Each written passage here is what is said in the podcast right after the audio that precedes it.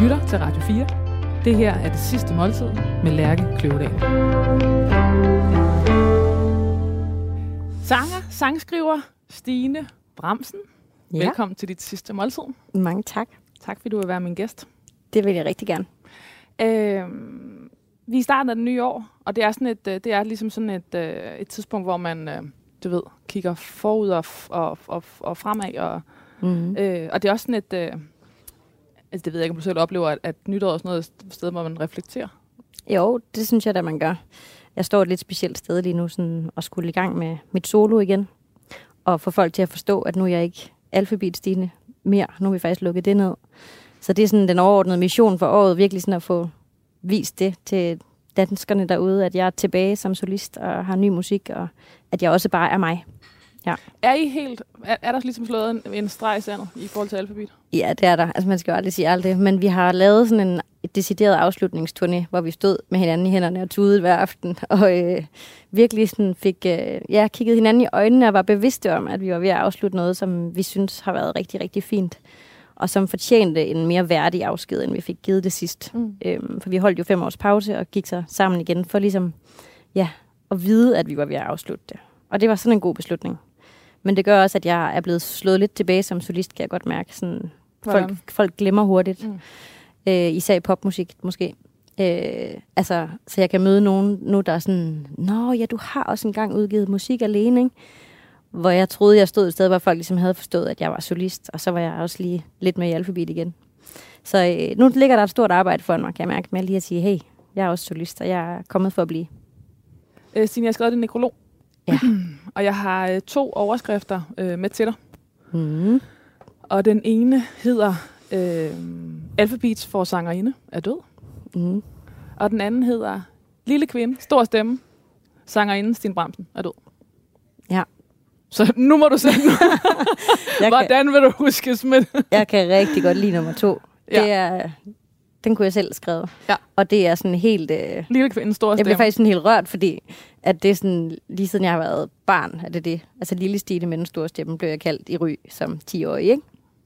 Så hvis det var det, der stod lille kvinde med stor stemme, så ville det være så fint. Altså, så ville alle dem, der har kendt mig, ligesom også føle sig ramt, eller sådan se, ja. at det var mig, ikke? Øh, men altså, det er ikke, fordi der ikke må blive nævnt alfabet. Det er jo en kæmpe del af, af min arv, øh, og det, jeg har opnået, og også grunden til, at jeg så nemt kan starte en solokarriere. Det er jeg helt klar over. Øh, så jeg er dybt taknemmelig for alfabet. Så jeg ved ikke, om man kan skrive det ind under. Man må, man, det vil der typisk komme. Ja. Ikke? Vil det ikke være sådan en? Jo. jo. Øh, men jeg kan også, altså, den første sætning i nekrologen lyder også sådan her. Okay. Det er svært at skrive Stine Bramsens nekrolog, uden at fortælle alfabets historie. Ja.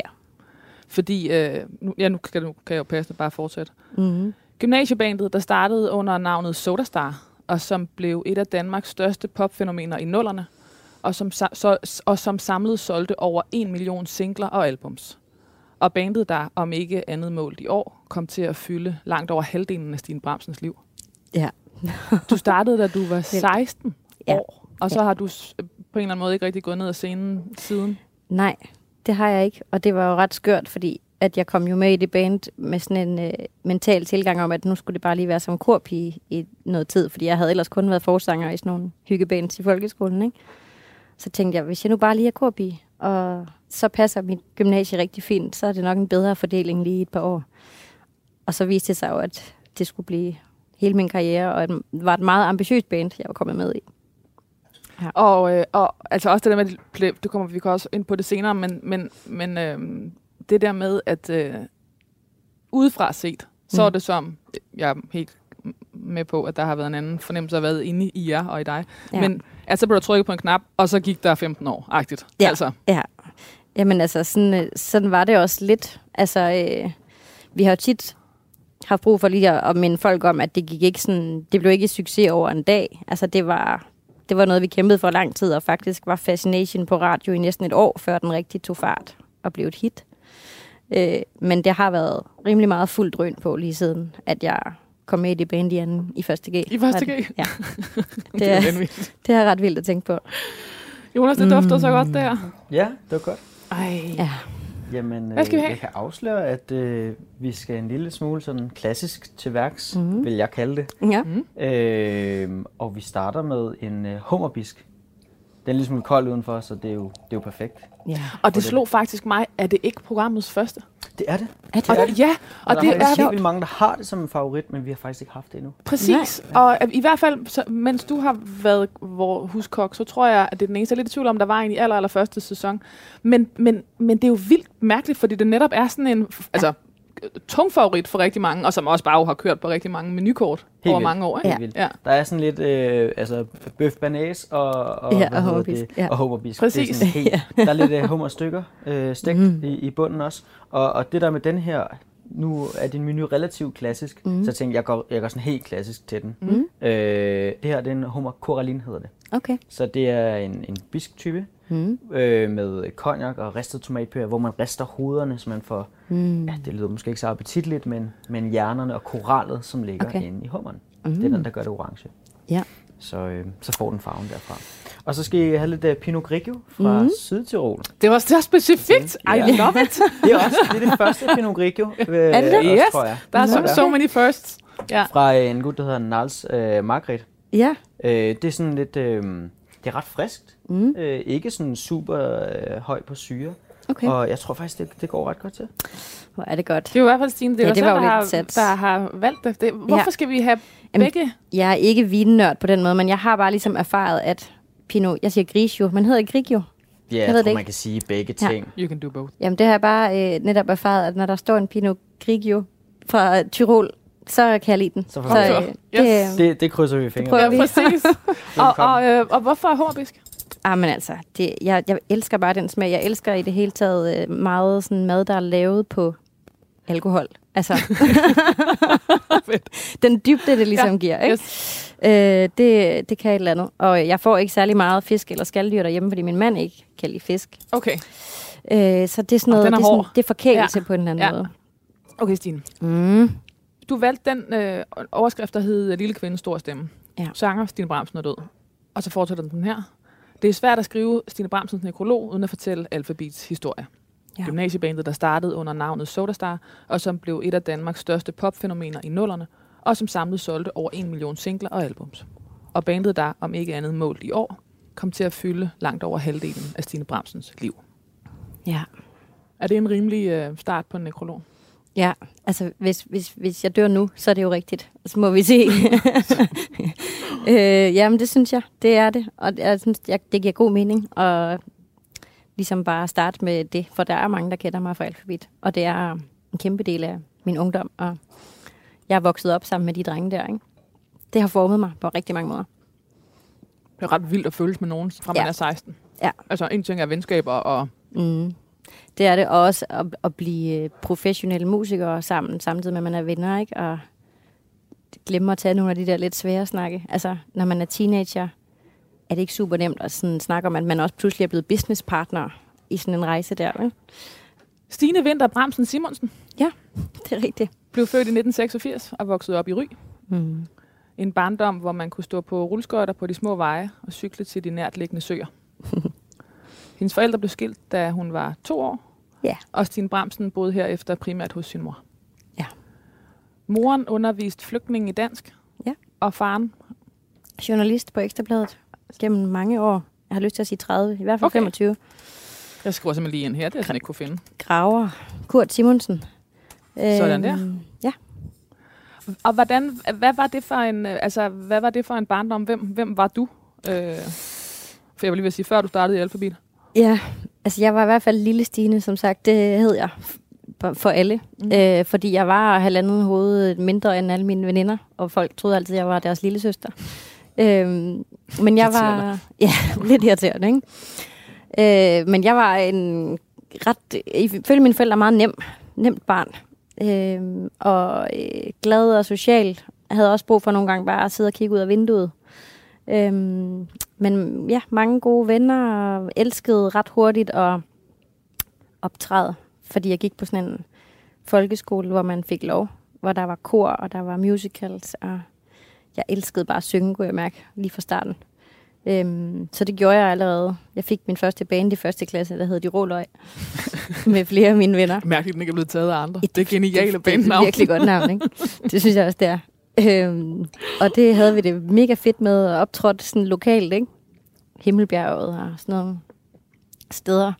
Så der fik jeg jo sådan hurtigt lidt blod på tanden med det der. Men at det var sjovt, og det var gav mig et kick at stå derude. Hvornår havde du den det. der oplevelse af, at, at, at du var dygtig? Eller din stemme havde noget særligt?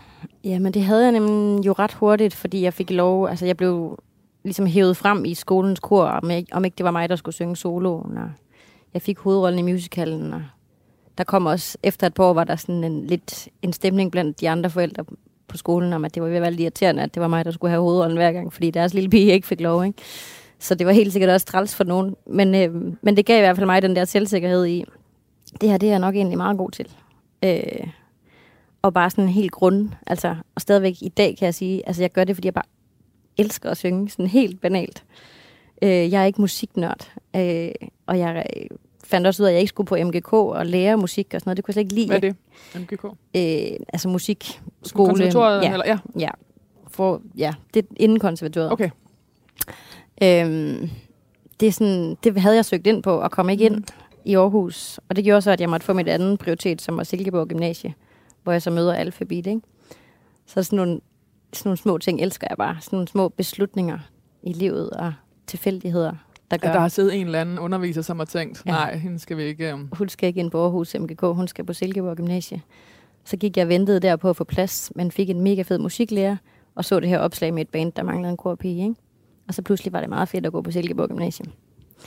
Så det er bare, det er så vildt at tænke tilbage på, ikke? Hvordan det så bare, altså et halvt år senere, ændrede hele mit liv. Flyttede til København, og så flyttede til London, og så videre, ikke? Det er så vildt. Men i Ry, en, en rimelig øh, glad pige, men også, jeg fik også sådan, som teenager lidt klaustrofobi over den lille by, og også lidt det lille land. Sådan, jeg havde ret hurtigt sådan en, ej, jeg skal ud og se noget andet end det her, og der må være nogle steder i verden, hvor folk er lidt mere åbne og elsker mangfoldighed lidt mere. Ja, det, det, der, var lidt, øh, der var lidt små sko. Eller, Ja, lidt. eller måske en manglende vinger. Det kan nogle gange være Ja. pænere over. Altså, det var, det var svært at vokse op i en lille by og sige højt, at man drømte om at blive en stor sangerinde. Altså, det var sådan noget, jeg nedtonede lidt, ikke? Og sagde, at jeg bare skulle have mig en uddannelse og så synge lidt ved siden af. Også til min far og sådan noget. Både Øhm. din far, blev han boende i Ry, eller?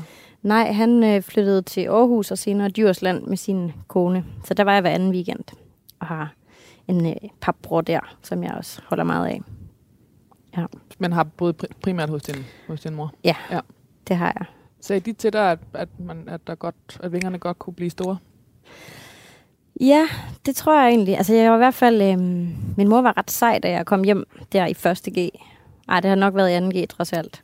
Og sagde til hende, at nu begyndte de altså i det der band der at snakke om at flytte til København, og om det var noget, vi overhovedet... Om hun overhovedet kunne øh, tillade det. For jeg var jo ikke fyldt af den endnu. Og hun var bare sådan, ja, det skal du da gøre. Det lyder da som en fed chance. Okay.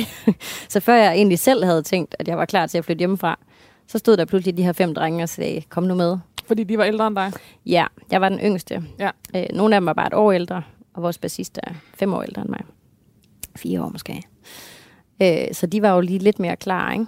Men, øh, men Anders, som jeg synger med, øh, han havde heller ikke færdiggjort noget som helst. Han droppede bare ud. Og, og endte du også med at gøre det? Og droppe ud? Jeg, øh, jeg var dukseagtig nok til at færdiggøre 2G, sådan at jeg kunne få, få min gymnasieeksamen senere. Og det gjorde jeg også i København på sådan noget studenterkursus. Så jeg trods alt havde den. Og jeg har også søgt ind på studiet et par gange og sådan tænkt, nu må jeg også få plejet min hjerne, men Hvad har du søgt den på? har droppet det hver gang. Sprogpsykologi, mm. som jeg tænkte ville være helt vildt interessant, for jeg elsker sprogets virkemidler, propaganda og sådan noget, synes jeg er vildt spændende. Øh, overvejede også fransk. Jeg elsker fransk, men, øh, men ved ikke rigtig, hvad jeg skulle bruge det til. Øhm, men altså, okay, det er også vild, vild beslutning af din mor, at bare sige, ja. super, det er det, du skal. Altså, når jeg tænker tilbage, tænker jeg også, at måske havde lidt at gøre med, at hun havde fået sig en rigtig sød kæreste, hun ikke havde noget med at få lidt, lidt tid med. Og det jo bare er joy og teenager boende hjemme i det hele taget. Ja. Men jeg var altså en, en ret nem teenager. Det vil jeg sige. Det var klart, Vi havde ikke og særlig mange konflikter. Nej. faktisk. Stine Bramsen var 16 år, da hun efter en audition fik rollen som korpige i Sodastar. En Ja. drengeklub nu med, øh, nu med én pige. Succesen startede, og så har jeg skrevet forsigtigt i 2004, da bandet stadig under navnet Sodastar vandt konkurrencen Live Contest, det var det, der tidligere var DM i rock, Mm. og eksploderede i sommeren 2007 med uimodståelige ørehængere som Fascination og 10.000 Nights. Ja. Alphabet var festen, man gerne ville være med til. Det var godt humør, optimistiske ørehængere og konfetti i lange baner. Ja. Det er ret sjovt at se øh, billeder og optagelser af jer fra den tid. Ja, altså fordi, altså, øh, altså I var jo ligesom, I lignede jo ikke noget andet. nej, Altså det var sådan, det var sådan en stor sådan hoppeborg af farver, ja. der ligesom mødte en hver eneste gang, man... Ja, det var, det var ret fantastisk at kigge tilbage på, og det var jo også sådan, altså nu, min nuværende manager var ham, der signede Alphabet dengang. Okay. Og han har fortalt os, at de var meget sådan i tvivl om, om, man, om vi kunne se sådan ud. Altså, kan, kan man godt være et popband og se sådan der ud? Og så begyndte vores fans at troppe op i det samme tøj, og så var de sådan, okay, det er en ting, det, det skal de bare have lov at gå med, ikke? Vi skal ikke prøve at ændre på det her Der var også noget band. ekstremt uforfængeligt over det. Ja, Hvem, øh, hvordan var jeres øh, roller? Dengang startede jeg jo øh, som korpige. Mm. Så det følte jeg mig som i mange år. Selvom at jeg mere og mere fik st- større sangroller i bandet. Og ja, når jeg er 20, 19-20 år, så er jeg jo egentlig begyndt at synge lige så meget som Anders. Og stå derude i fronten med ham, ikke? Og det var også noget af det, der blev øh, fremhævet, da vi vandt den der live contest, at det var fedt, at korpigen fik lov at synge nogle steder selv, ikke? Øhm, men sådan mentalt var jeg helt klart, jeg var både den yngste og den eneste pige, og startede som korpige, så det satte sig sådan mentalt i, hvordan jeg indtog min rolle. Øh, min, Mm. ja. øhm, og så var der ligesom, der er jo sådan et naturligt hierarki i sådan et band, selvom vi altid har prøvet at lade som om det ikke er der. Så er der ligesom nogen, der bestemmer i øveren, og nogen, der har lidt mere pondus i diskussionerne og sådan noget, ikke? Og det var bestemt ikke mig i de første år der. Det er noget, det? jeg... Øhm, det var især Anders Bønlykke, vores guitarist, som også, som jeg på mange måder vil kalde hjernen bag Alphabet. Øhm, hovedsangskriveren, siden af Anders Eske, med, min medforsanger, trådte rigtig meget i karakter og skrevet en masse fede sange også, ikke? Øh, og enkelte sange har skrevet vores bassist og trommeslager, og sådan, men Bønne har skrevet langt de fleste, kalder vi ham, Bønlykke. Der er Anders Eske og, og Anders Bønlykke, som Ja. Ja. Ja. hedder Bønne alle steder. Ja. ja. For bandet var det vildskab og sammentømret venskab. Mm-hmm. Bandet boede sammen, festede sammen og turnerede sammen. Altså, det er jo stadig sådan, når, man- når man sidder og googler alfabet nu, så kommer sætningen stadig frem, hvor der står, er alfabet kærester? altså, så bliver det... Alle sammen. Jamen, altså, alle de der sætninger, Ja. ja. om, jeg ved ikke om dem... De der, der Google-sætninger. Ej, hvor vildt. Nå, den, har jeg, den kommer ikke op på min. Men ja, det har jeg jo virkelig tit svaret på, om jeg er kæreste med Anders, jeg synger med. Ah, okay, ja. Især i de der London-interviews. Om vi var søskende, eller om vi var kærester. Det måtte være en af delene, agtigt. ja. Okay, man må Det- gå ind i vand. Ja. Nej, men det aftalte vi hurtigt, at det var no-go at blive kæreste med nogen i bandet. Er det fordi rigtigt? Så ville det jo ligesom fuck det hele op. Det, det aftalte simpelthen, nej, hvor moden som 17-årig, det siger 18-årig, musikhistorien jo ligesom, at det plejer at gå galt. Ja. Så, Så det havde I læst? ja, det tror jeg. ja, det, alt bliver jo bare mere kompliceret, ikke? Altså noget der. Så Jo, men omvendt er det jo også, altså, øh, også helt oplagt, eller du ved. ja, ja, Ja, altså. Absolut. Der har også været nogle aktive beslutninger om ikke at gøre det. Stine Bramsen var nu rykket fra at være korpige til at være frontfigur sammen med bandets anden vokal, Anders S.G. Øh, På trods af det seks mand store band, der i begyndelsen konsekvent optrådte hulter til bulter og i munden på hinanden, på scenen såvel som i medierne, var det Stine Bramsen, der var stjernen med den fantastiske stemme og blikfanget, som man alle ville se på. Nå. Mm, det er da smukt. Jeg ved ikke, om det er helt sandt. Men jeg har godt hørt det før. Altså, den sætning der med, at det var mig, der var stjernen.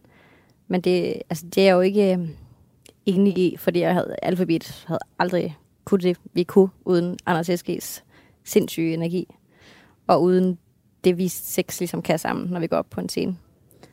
Øh, men jeg er da selvfølgelig glad for, hvis, øh, hvis jeg har gjort, sat mit aftryk. Altså hvis, hvis jeg også er, i den grad er alfabet. Ikke? Fordi jeg synes, jeg har brugt rigtig mange kræfter på det band, og på at promovere den musik, og ja, det er en kæmpe del af mit liv, ikke?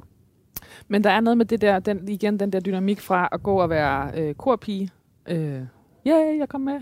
Mm. Hvor var jeg heldig. Ja. Det er de sejeste fyre ja. i verden. Ja. Til så lige pludselig at øh, tydeligvis øh, stå der. Mm. Øh, Mm. Jeg er ikke bare i egen ret, men også øh, som den folk øh, kigger på, eller Ja. du var jo også, altså alt lige, du var jo hele det feminine element i den gruppe, så du var også den Og det blev jeg mere og og mere. kvinder øh, relateret til, og altså, Ja. som man ville se på på en anden måde. Ikke? Jo. Og det var nemlig, det var også lidt et skifte, der skete, da vi flyttede til øh, England, at at øh, pladselskabet og stylisten synes, at jeg skulle ligesom tage den. Altså, du er pigen. Du behøver ikke at prøve at virke som en af drengene, som det danske pladselskab lidt havde været sådan. Det er egentlig meget fedt, at du bare har det Mm. samme på som dem. Der var de pludselig sådan, det er jo også en force, at der er en kvinde i det band. Så hvorfor tager du ikke de der vilde vintage kjoler på, du også elsker, mm. og tager de der tårnhøje stiletter på? Og der blev jeg meget feminin. Og det var også helt vildt sjovt at prøve, fordi det er også en del af mig. Altså jeg elsker også Audrey Hepburn øh, looket og sådan noget, ikke? Øh, men jeg tror, jeg synes også lidt, det, det, det bed mig i røven. Eller jeg synes i hvert fald lige siden, at jeg ligesom løbet fra kun at være fin og feminin og nuttet. Altså, jeg, resten af mit liv tror jeg, jeg kommer til at bruge på, nu er jeg godt nok død, men altså, at vise, at jeg også kan være grim og vild og ikke er overhovedet perfekt. Jeg, altså virkelig kæmpe rodhoved på mange punkter. Jeg slet ikke er sådan så ordentlig, som jeg kom til at virke lidt i en periode. Jeg tror, det jeg sådan har bidt allermest mærke i, det er, at øhm, altså, det er jo klart, alle mennesker har jo selvfølgelig den vildeste udvikling fra de er 16 til de er ja, Ja. 10 år eller 20 år. Eller. Men din er bare sket øhm, for det første øh, re- relativt meget i medierne. Mm. Altså, og, så, og, så, og så mest af alt bare sammen med de fyre. Ja. Altså, så, så øh, det hele den der, det, altså, øhm, den, hele den der, det, det er så definerende. Det er det. Og det er, det er meget specielt, ligesom at se, at, at, at det er jo, ja, en offentlig udvikling på en eller anden måde, ikke? Præcis. Det er det ikke for så mange mennesker. Og der er der helt, helt klart sket rigtig meget over de år. Og jeg er også en type, der elsker forandring, så det er måske også ekstra ekstremt med mig. Altså, jeg kan helt vildt godt lide at ændre mit hår hver tredje måned, og ja, køre en ny stil på det her album. Og ja, det hele må ikke blive for ens for mit.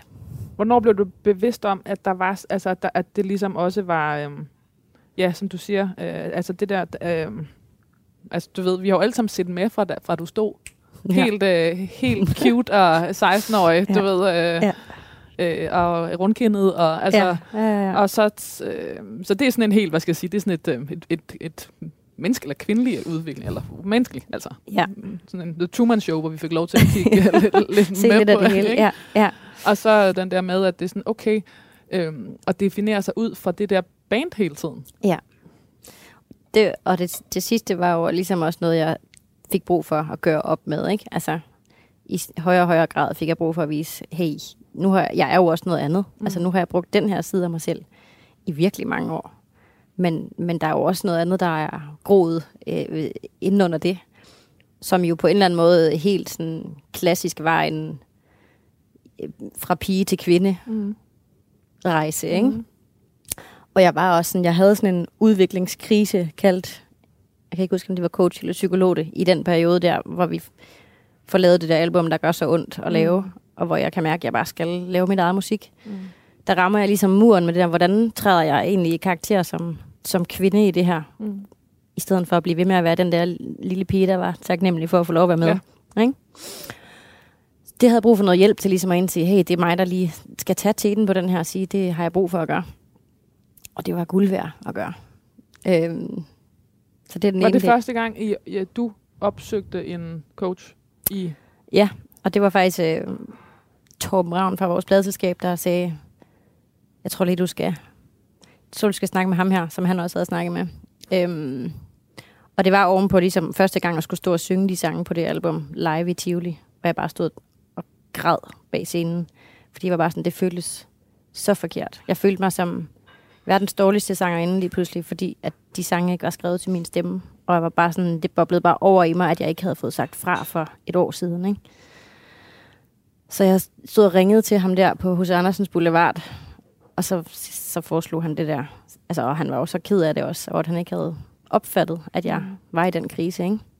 Men det havde jeg ikke sagt til nogen, fordi jeg var nærmest ikke selv klar over det, tror jeg, før det boblede over. Og så opsøgte jeg ham der, og det var... Jeg synes, det er... Altså, jeg hader på en måde det der coaching, altså fordi jeg synes, det er så kliché, og man ved jo godt det hele, når han siger det. Men jeg lærte virkelig noget, i hvert fald af de første to gange. Mm. Ligesom helt banalt at se det for sig, det der med kasser.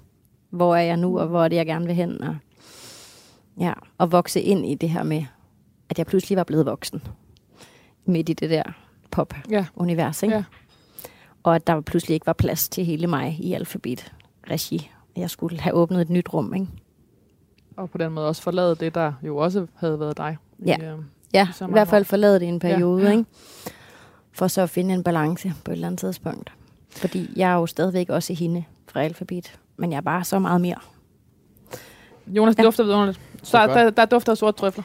Der dufter sort trøffel, og det er fordi, der er masser af sort trøffel på. Mm. Så som, øh, som tidligere nævnt, så er det lidt klassisk. Mm. Og øh, det her det er nok lidt mere italiensk klassisk. Ja. Øh, så risotto, helt plain. Masser af parmesan, eller Reggiano Parmigiano, som det er. Ja.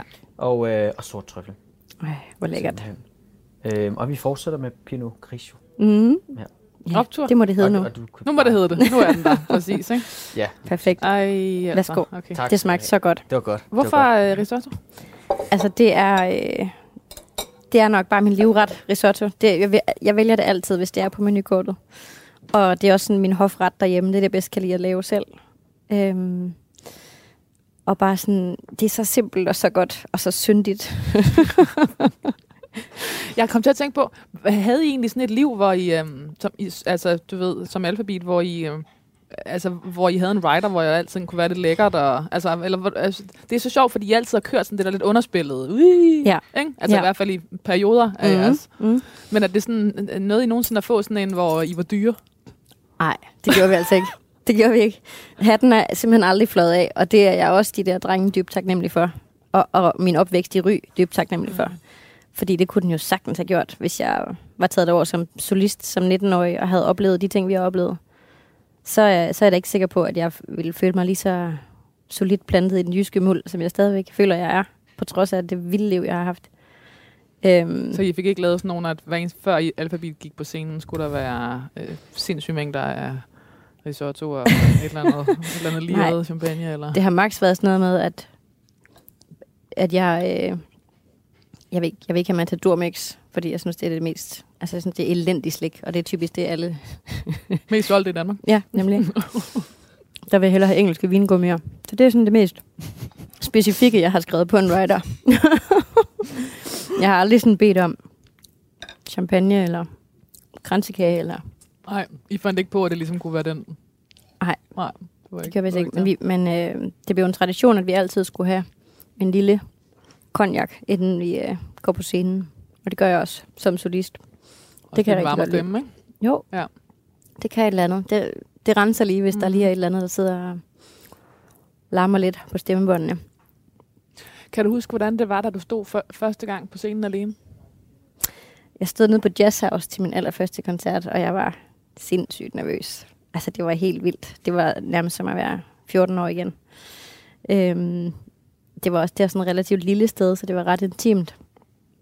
Og øh, min daværende korpige havde lige sagt i en bisætning, at hun ikke lige havde fået øvet sig, eller sådan. min kapelmester, han var også sådan, han så helt vild ud i øjnene, da hun sagde det. Sådan, det der, det skal du bare ikke sige lige nu. Alt var ligesom på spil, altså fordi det var, det var så vigtigt for mig, at de mennesker, der stod derude, de så potentialet i, at jeg øh, også kunne noget andet, end det man kender mig for.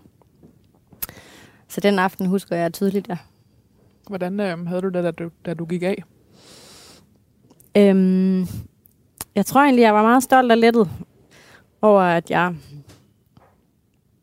Det var meget sådan banalt, sådan huskede det hele, og øh, øh, ja, synes egentlig, det gik okay, og, og at jeg, jeg var faktisk, tror jeg, mest spændt på det med at snakke imellem numrene, fordi i mit hoved var det pludselig blevet til, at jeg havde aldrig sagt noget på en scene. Det var kun Anders, der sagde noget. og det har de fortalt mig ikke er sandt. Men jeg havde det virkelig sådan, jeg plejer jo bare at sige, tak, eller råbe, var I søde, eller et eller andet, ikke? og de var sådan, det passer jo ikke, Stine, men sådan var det virkelig op i mit hoved. Det var første gang, jeg skulle stå og snakke til et publikum, selvom jeg havde stået på en scene i 10 år, ikke? Som var anderledes intimt? Ja, helt anderledes, og jeg ville jo gerne... Jeg vidste også, at det var en udfordrende koncert for det publikum, fordi jeg havde ikke udgivet min musik endnu. De kendte en sang, ikke? så jeg følte også, at jeg skulle invitere dem ind i, hvad alle sangene handlede om. Og give dem en eller anden lille forsmag. Øhm, så det var, det var virkelig vigtigt for mig sådan at få formuleret det godt. Og øh, ja, netop sådan at få vist alt muligt, jeg synes, der er på spil i, inden i mig, som jeg ikke havde vist noget om før. Fordi der ikke var plads til det? Ja, Helt sikkert, fordi der ikke var plads til det. Altså, vi har forsøgt indimellem at lave en ballade eller sådan i alfabet, men det kan vi ikke finde ud af. Vi synes ikke, det giver mening. Fordi hvad sker så, der? Mm, enten så bliver det for pænt, eller så bliver det for, ja, sådan musical pænt. Øhm, eller også bliver det måske for følsomt. Altså sådan, og det, det fungerer ikke, synes vi, at være følsom i alfabet. Det kan godt være, hvis vi genopfinder os selv om 10 år, at man kan det, men, men ikke i det alfabet, man kender. Så det havde jeg jo... Var det både altså på scenen og bag scenen, at det der med ikke at være, man kan ikke være følsom, følsom med alfa, alfabet? Øhm, vi har i hvert fald aldrig siddet sådan i plenum og været følsomme over for hinanden. Vi har godt kunne være det, en og en. Øh, over en smøg, eller et glas vin, eller en masse øl. Øh, det har der absolut været plads til. Øh, men ikke sådan vi har aldrig sådan, øh, ja, hvordan skal man sige, klaget, eller sådan, synes det var synd for os over for hinanden. Som jeg jo godt nogle gange kunne have det. Altså, at det var rock og hårdt, og jeg havde ikke tid til noget som helst privatliv. Det var bare ud i bilen klokken 6 om morgenen, og afsted til interviews i 8 timer, og hjem og sove, og sådan, nogle gange kunne jeg godt have det sådan, hvad er det for et liv? Altså, er det det, jeg har taget herover for? Men øder du det bare? Ja, det, det gjorde jeg. Altså, jeg, jeg er top øh, professionel, får jeg også at vide af min manager. Sådan, altså, jeg er meget, meget, jeg er meget pligtopfyldende. Og sådan... Øh, ja, og bl- bliver også stolt af mig selv, hvis jeg gennemfører sådan en dag med otte interviews godt, og får banket mine øh, budskaber afsted og sådan noget, ikke? Men fuldstændig drænet, når jeg kommer hjem, fordi jeg også er et menneske, der har brug for stillhed og eftertænksomhed og mig tid. Øhm, så, så jeg, jeg har helt klart sådan, den allerførste sang, jeg skrev til mit solo, var Not What I Came For, som vist slet ikke findes nogen steder nu, men som handlede om det der med pludselig at miste sådan følelsen af at have hjertet med, og sådan mavefornemmelsen. Og bare at følge med, fordi man ikke kunne andet. Man ville blive stresset, hvis man satte sig ned og kiggede på, hvad skal jeg den næste måned? Man tog virkelig bare en dag ad gangen, og stille sig klar, når der stod, bilen ville komme, og anede nærmest ikke, hvad man skulle, vel? Og så sådan til sidst stå og tænke, puha, det kan godt være, at jeg har puklet helt vildt, og vi har opnået alt muligt, men, men er jeg glad lige nu? Sådan, sådan kunne jeg godt have det i perioder, når der blev stille, ikke? Og jeg så mine veninder derhjemme have et helt andet liv, hvor de lavede alt muligt dejligt sammen, som jeg pludselig ikke var en del af. Så det har helt klart også været på bekostning af et ungdomsliv med mine bedste veninder i København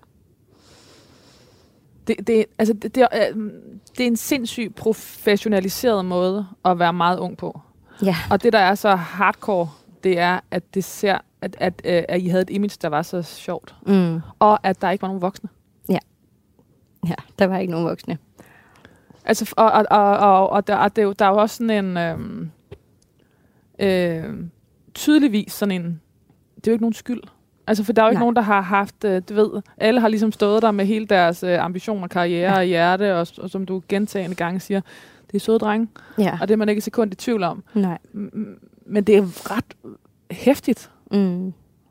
Det er virkelig hæftigt. Det er det. Og man får lyst til at skælde lidt nogen ud over, at der ikke var nogen, der tog et ansvar. Øh, ja. og nu ser jeg for dig, fordi det er, jo, det er jo dig, jeg har haft mine øjne på. Ikke? Jo, jo, og der sker helt klart et, et, øh, altså vi bliver sluppet lidt, ikke, da vi flytter til England og får en engelsk manager, der er en del af en super kynisk branche. Selvom jeg skide godt kunne lide ham som person, så er han bare money machine, ikke? Machine management hed det også. Okay, simpelthen. Ja. Og der kunne lige have været money for den, Lad mig lige læse en sætning op ja. her om lige præcis om... Uh, Alphabet uh, underskrev kontrakt med EMI i England mm. og slog sig ned i London for at arbejde uh, med gamle og nye sange til deres uh, engelske debutalbum This is Alphabet, der udkom i juni 2008. De varmede op for Lady Gaga mm. og blev kaldt det største popband siden ABBA. Ja. Og Stine Bramsen blev ifølge den engelske formiddagsavis The Sun tilbudt en rolle i den første Sex and the City-film. ja, det skete vist aldrig rigtigt, det der. men, men der gik rygter om, at jeg ville få det tilbudt. Men det var også det, der var altså, virkelig sjovt ved at opleve England, altså den der engelske tabloid-presse. Helt ekstremt. Altså, og det er også noget, man tænker i. Altså vores manager var sådan, hvordan kan vi skabe noget fed tabloid-presse, så alle de okay. opdager alfabet, ikke? Okay. Der er for eksempel historien om Katy Perry, der kyssede mig på et tidspunkt. Ja. Som du er hun ikke the gjorde. girl. Nej. Altså, I kissed the girl, and I det. liked it. Det, det var dig? Ja, men det havde han pludselig tænkt, hvad nu hvis vi skaber den historie, at det var i virkeligheden dig, hun synger om. Hold kæft, for kunne det skabe god omtale, ikke? Og sådan var vi jo slet ikke vant til at tænke i lille Danmark. Altså. Og det var, der var intet af det, der var sandt? Altså, det var ud af... Det, altså Jamen, han, han får den idé, og så placerer han alfabet til en Katy Perry efterfest, når hun spiller i London. Velvidende, at den bliver holdt øh, i et rum, hvor der er glasvinduer på begge sider, og tabloidpressen bare kan stå og tage billeder. Men jeg ved ikke, om, om hun decideret har fået at vide, at hun skal gå hen til mig. Men det gør hun i hvert fald, og begynder at viske ting i mit øre. Vi står og danser lidt, og så visker hun nogle ting i mit øre. Og der tager de så et billede, der en lille smule ligner, at hun kysser mig hvis man rigtig gerne vil have det til at se sådan ud, ikke? Og så er det pludselig en historie. Og det er jo bare sådan, det var jo sjovt at spille med på, men det var også vildt at opleve, at det sådan, det var faktisk altså, noget folk I havde planlagt skulle ske, i håb om, at det ville skabe en masse overskrifter. Og det gjorde det også, også i Danmark, ikke? Men du kendte hende ikke? Nej, nej. Vi havde aldrig mødt hende før det, og vi mødte hende aldrig igen. Det var bare en efterfest. Og sådan bliver man en del af hende, hinandens liv på internettet. Ja, ja, ja helt vildt fjollet, altså. Og det var også sådan, at managementet var sådan, kan vi ikke finde en eller anden kendismand, du kan date? Fordi jeg var den eneste, der var single i bandet. Var sådan, det kunne være virkelig fedt, hvis du datede en eller anden, der var kendt, fordi så ville det også skabe noget. sådan, det kan jeg da ikke bare. Kan altså, Grant i dag? ja. Okay, så. Hvad, øh, hvem var I, da I tog derover, og hvem, og hvem øh, du ved, øh, ikke da I tog derfra, det er for tidligt. Men mm. du ved, hvem, hvordan var den første tid? Hvad var det, mens, altså... Jamen, hele det der ryg fra København til London er jo ret vildt, når jeg kigger tilbage. Altså, altså I kom fra, I, I, I boede i, i København, og du arbejdede i Folkekirkens Nødhjælp. Ja, og politikken som sælger. Nåede også at bo med en veninde, jeg mødte der på politikken, inden vi flytter. Men vi bor i København i to-tre år. Knap tre år, tror jeg. Så da jeg er 20, flytter vi til London. Og så var vi bare sådan, nu starter vi skulle forfra i England, ikke? Og det gjorde vi vidderligt. Altså det kan godt at vi havde et kæmpe pladselskab i ryggen, som troede på os, og et management. Men vi startede med at spille øh, på spillesteder for tre mennesker, der ikke anede, hvem vi var, som bare lige var der tilfældigvis, fordi de kedede sig den aften. Og byggede det virkelig sådan op på den helt old school måde. Og hvordan var starten der, at komme til tre mennesker på en pop? Det var ret vildt at, øh, at opleve. Altså, jeg tror også, det var med til at holde, holde benene på jorden på en eller anden måde. Altså, fordi pludselig så... Jeg var lige måske kommet til et sted, hvor man kunne begynde at blive sådan lidt forvent med netop en rider, ordentlige forhold, og nogen, der henter mig. Og pludselig så stod jeg og skulle klæde om på et lille toilet på en eller anden snusket pop. Og så sådan gå the walk of shame fra toilettet ind på scenen foran tre mennesker, og så følte mig som popstjerne, ikke? Og det var bare sådan, det var så absurd. Der skal man virkelig noget tro på det for det. Jamen, helt vildt. Altså, det tror jeg meter. virkelig, vi fik nogle hår på af, ikke? Ja. Altså, det er rimelig, en rimelig hardcore testing. Og, øh, og det var bare, det er bare så pissestolt af, at vi gjorde det og spillede, vi spillede jo et eller andet latterligt 250 koncerter på de første halvandet år. Vi spillede hele tiden. Og for hver gang vi kom tilbage til en eller anden lille by, Brighton, så var der kommet 100 mere og pludselig stod vi og kunne spille kæmpe koncerter ikke? i London. Og det er bare sådan... Det, var vi bare mega stolte af, at vi holdt fast i at gøre på den der måde. Altså, at vi var et rigtigt band, og vi ikke bare var et eller andet popfænomen, som lige skulle varme op for Spice Girls og gøre det på den nemme måde. Øhm, så det, ja, det er sådan noget, jeg glæder mig til at fortælle mine børnebørn om, ikke? Eller mine børn, når de fatter, hvor sejt det er. det kommer de aldrig til. Nej, det er ikke sikkert. Børn fatter det aldrig. Alphabet afslog at spille som opvarmning til Spice Girls, fordi de ville gøre det selv. Mm. Og synes, det var for weird at optræde for folk, der ikke kendte dem. Ja. Ja. En sindssyg udtalelse. Ja. Altså, ja, det er måske også lidt simplificeret. Men, øhm, men den der sådan... Det var vigtigt, at folk fik det rigtige førstehåndsindtryk af os. At de forstod, at vi netop ikke var det samme som Alphabet. Der var ikke nogen, der havde... Altså sammen som Spice Girls? Eller, ja, ja, ja, det er det, jeg mener. Ja. Samme som Spice Girls. Ja. At vi ikke var sådan en manufactured Ja. band, ikke? Vi var, vi var autentiske. Og vi skrev vores egen sange og sådan noget. Det var, det var bare et meget, meget vigtigt budskab for os. Og det var svært for mig at sige nej, for jeg var kæmpe Spice Girl-fan Okay, som købet. Ja. Altså, helt vildt. Men jeg kunne også godt se, at det ikke var det rigtige at gøre. Øhm, så vi tog Synes du den. stadig det? Mm, Mm. Det synes jeg helt klart. Spice Girls var mega seje, da de kom frem, men det var ikke sådan nødvendigt at være en del af en reunion på det tidspunkt. Øhm, så jeg synes, vi gjorde det på en mega sej måde, og vi oplevede så også, altså, hvor kynisk den branche var, at man kunne gå fra at have kæmpe succes og opnå ting i udlandet, som danske artister ikke har gjort i årtier, til pludselig så på næste album og erkende, at en sang i top 20, det er en fiasko. Altså, det var ikke godt nok.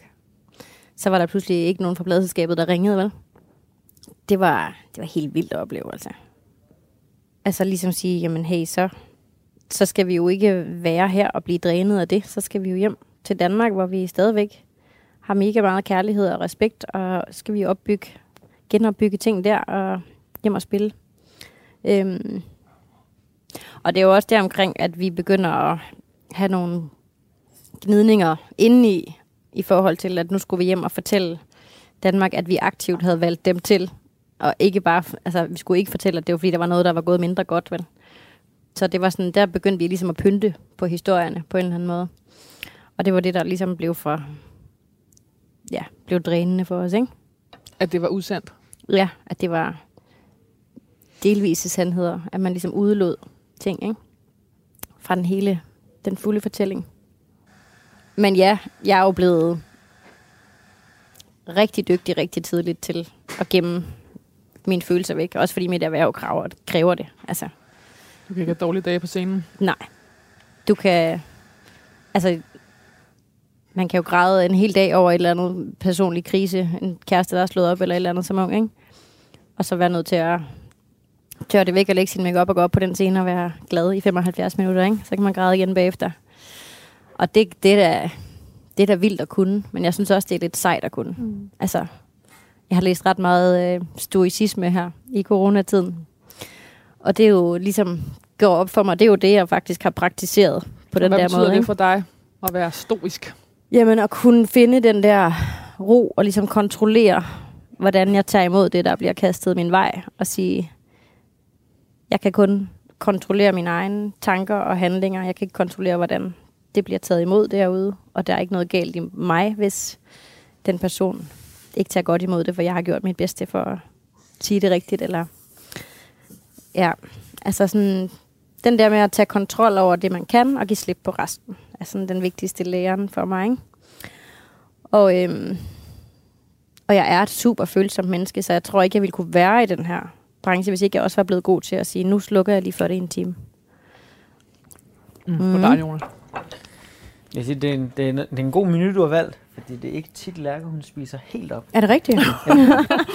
Om det kunne også være... Du kunne også tage rosen ind af, Jonas. Ja, det smager mega godt. Det smager vildt dejligt. Mm. og nu skal jeg have lidt dessert.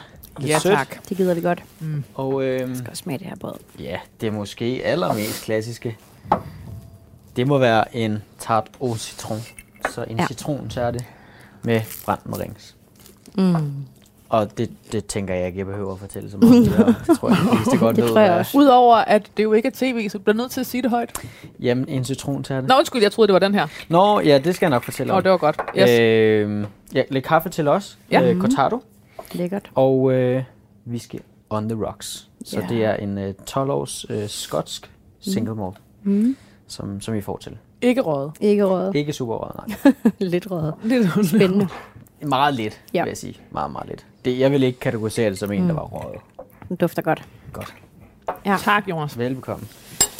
Og du, du skrev helt ydmygt, enten kaffe eller whisky. Ja, Det, det siger noget om, hvor elendige writer du har lavet gennem tiden. ja det gør jeg. Det kan godt være, jeg skal til at op mig lidt på riderfronten. Hvornår, øh, hvornår begyndte du at spise citronsalt, hvad vil jeg sige? Hvorfor? øhm, jeg tror, jeg har været lidt frankofil lige siden jeg var teenager. Og det er ligesom der, jeg har opdaget det. Det er sådan på, på Paris og tur. En tarte au citron. Øhm, jeg elsker det syre. Syrlige med det søde. Det er bare sådan... Jeg kan ikke spise sådan desserter, der kun er søde. Jeg kan heller ikke drikke sodavand. Eller, Mm. Det er slet ikke til sådan en rent søde ting. Så en dessert skal gerne være ret syrlig til mig. Jeg kom fra den her. Mm. Alphabet afslog spillet som opvarmning til Spice Girls, fordi de ville gøre det selv, og synes det var for weird at optræde for folk, der ikke kendte dem. De afslog at turnere med Katy Perry i USA, for det var øh, trods alt vigtigere at komme videre som band. Som bandets mastermind, gitarristen Anders Bønlæg, udtalte til Billedbladet i 2009. Ja. Jeg kalder ham mastermind. Ja, men det må du gerne. Det, det vil jeg også sige, han er. Men netop øh, at komme videre viste sig at være svært for de sympatiske, men konfliktsky jyder. Ja. Og pludselig var det ikke sjovt længere. Nej. Festen for Alphabet brændte ud øh, i England, øh, og undervejs på det tredje album mistede Stine Bramsen sin selvtillid og sin følelse af at være noget værd. Mm. Alt sammen beskrevet hjerteskærende og rystende ærligt i DR3-dokumentaren Alphabet, da festen forsvandt fra 2019. Ja. Hvad, øh, hvad, hvad gjorde det ved, øh, ved jeres venskab og, øh, og, og, og slå op som band?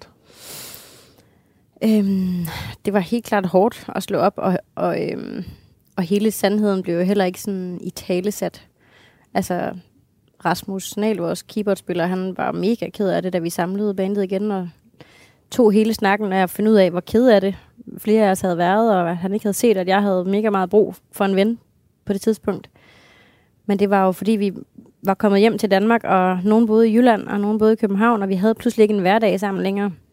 Så man var jo slet ikke sådan lige så meget i synk. Og så øh, apropos den der professionalisme, så gennemførte vi jo bare den sommer, hvor der ikke var nogen, der anede, at mig og Bønne ikke kiggede hinanden i øjnene hele sommeren. Altså, vi stod lige ved siden af hinanden, to meter fra hinanden på den scene, og vi havde ingen kontakt, fordi det var bare for betændt. Og han valgte jo også ikke at komme til mit bryllup, og sådan som den eneste i bandet. Det var bare, det var super svært. Og det var også svært, at vi alle ikke var afklaret. Altså, der var nogen, der havde lyst til at fortsætte. Øhm, så det var sådan en lang snak, og en endnu længere snak at starte det op igen af samme grund, ikke? Fordi det var, det var svært at parkere noget, der er også en kæmpe del af ens liv, og ikke vide, om det skulle i gang igen nogensinde, ikke? For det vidste vi ikke, da vi sluttede det der. Vi vidste ikke, om vi ville få lyst. Jeg regnede ikke med, at jeg ville få lyst. Var I lige så meget bange, eller var du lige så meget bange for at miste dine venner, som at miste dit band? Øhm, ja. Jeg var... Øh, det var jeg nok. Altså, jeg var i hvert fald bange for at miste øh, SG, som jeg synger med. Altså, det der tætte bånd, vi har opbygget. Så har jeg været så smart at gifte mig med hans bedste ven, så han er ligesom tvunget til at se mig. øhm, så den, det har vi heldigvis stadigvæk, men, men alle havde også brug for lige at få en pause fra hinanden, faktisk. Så jeg tror ikke sådan i første omgang, at jeg tænkte, åh oh, nej, hvad sker der så med det sociale? Alle har bare sådan, hvor bliver det dejligt, at vi skal ikke skal se. vælge hinanden til, i stedet for. Ja, Ja, og ikke gå ind i et rum, hvor man kan mærke alles. ja præcis. Hvad gjorde det ved dig, at, øh, at Anders Bjørnlæg ikke kom til dit bryllup? Det var jeg virkelig ked af, og jeg var også lidt rystet, fordi jeg havde ikke forstået, hvor voldsomt det var for ham, det jeg afleverede til ham, da vi, vi gik jo også i sådan noget band coach, mm. coaching. Øhm, og det var jo bare sådan, han var jo ikke klar over, at det han havde gjort, var så voldsom en oplevelse for mig. Øh, så det, det, han synes det var for kunstigt at komme. Øh, og det har jeg egentlig også respekt for i dag. Men jeg blev ked af det over det. Det gjorde jeg. Fordi vi var jo et hold, ikke? Altså vi var jo sådan...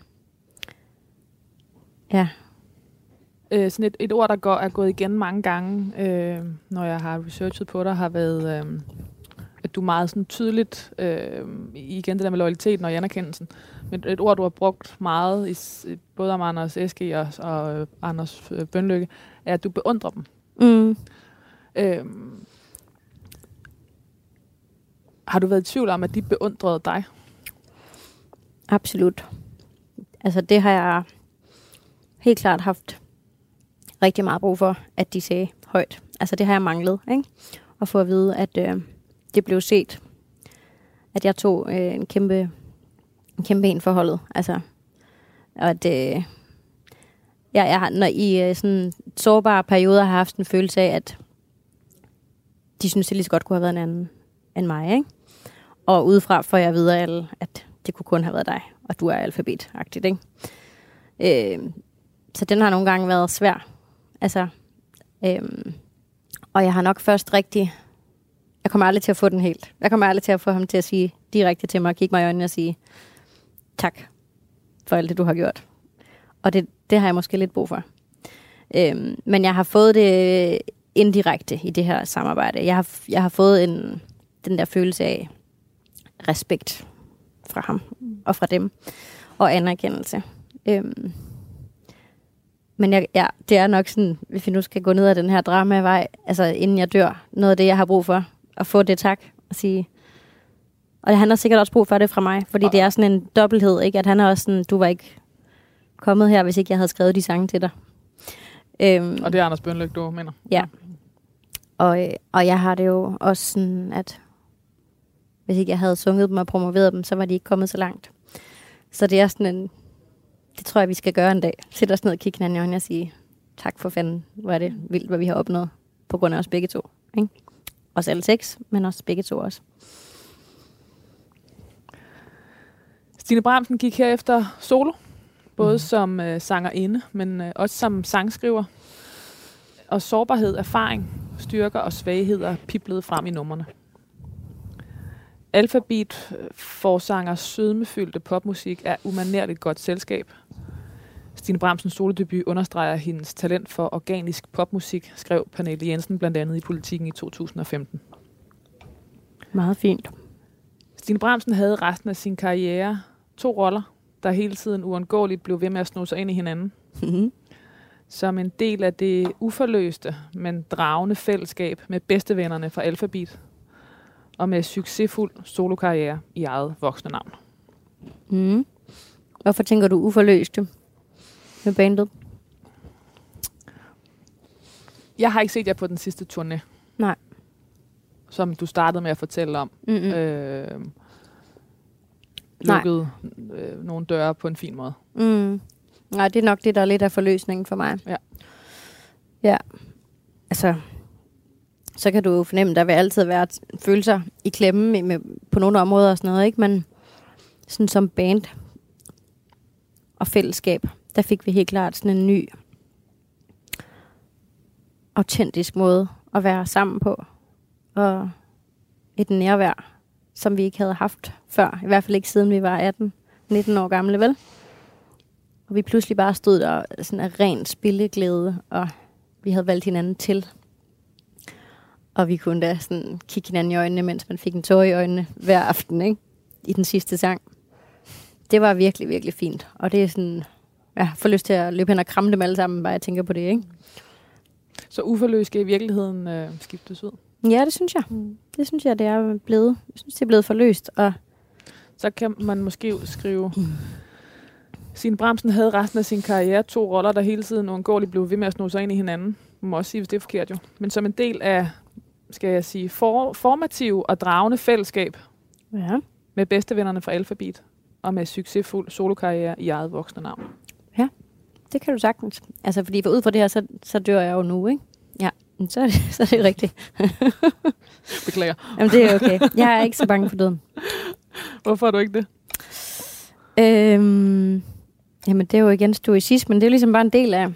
Det er det eneste, vi ved. Vi skal, vi skal alle sammen dø. Stine Bramsen efterlader sin mand Kasper Adspil mm. og deres to børn. Ja. Jeg havde været hendes minde. Puha. Ja, sådan nogle ord der, de er lidt frygtelige, ikke? Så bliver det meget virkeligt. Ja, det ville jo som sagt være det værste, hvis det rent faktisk skete. Ja. Stine Bramsen, hvad skal der stå på din gravsten? jeg har ikke tænkt over noget, der skal stå på min gravsten. Og jeg ved heller ikke, om jeg skal have en gravsten nødvendigvis. Altså, det, det tænker jeg vil være lidt op til min tætteste familie, om de har brug for, at der er et fysisk sted at gå ned og ære mit minde. Ellers så kunne jeg godt være typen, der bare ville spredes på en smuk blomstereng. Øhm, brændes, ja, det tror jeg. Sådan noget. Der behøver ikke på den måde være et monument. Men hvordan vil du gerne huskes? Hmm. Jamen, det er jo sådan noget, jeg har været spændt på i dag, fordi man føler ikke, at man allerede sådan bliver husket for noget andet end hun var med i alfabet, aktivt, ikke? Øhm, men øh, ja, det ved jeg ikke, som en kvinde, der øh, tog livet og levede det fuldt ud og greb chancer, men også var omsorgsfuld og fuld af kærlighed. Altså eventyrlysten, men ansvarlig over for sin elskede, ikke? Det er min evige balance, tror jeg. Sådan, jeg har brug for adrenalinen, men jeg har selvfølgelig også brug for at mærke min tætte kerne derhjemme, ikke? Øhm, så det er sådan den, den jeg søger, og det, det tænker jeg også, i hvert fald dem, der kender mig godt, vil huske mig for, at jeg er lidt af det hele. Stine Bramsen, tusind tak, fordi du vil være min gæst i det sidste måltid. Selv tak. De der fem bandmedlemmer har set med at komme den dag, du skal komme. ja, det tror jeg også, de gør. Det vil jeg sige. Det, altså, hvis ikke de gjorde for fem år siden, så gør de det nu. Nu er vi tættere end nogensinde. Ja. Tak, fordi du ville være med. Selv tak. Du har lyttet til det sidste måltid på Radio 4. Nekrologen er skrevet på baggrund af artikler fra Politiken, Berlinske, Femina, Alt for Damerne, Gaffa, Banebase.dk, øh, Wikipedia og fra DR3's dokumentar Alphabet, da festen forsvandt fra 2019. Alle udsendelser ligger som podcasts på radio4.dk eller hvor du ellers finder dine podcasts. Tak, fordi du lyttede med.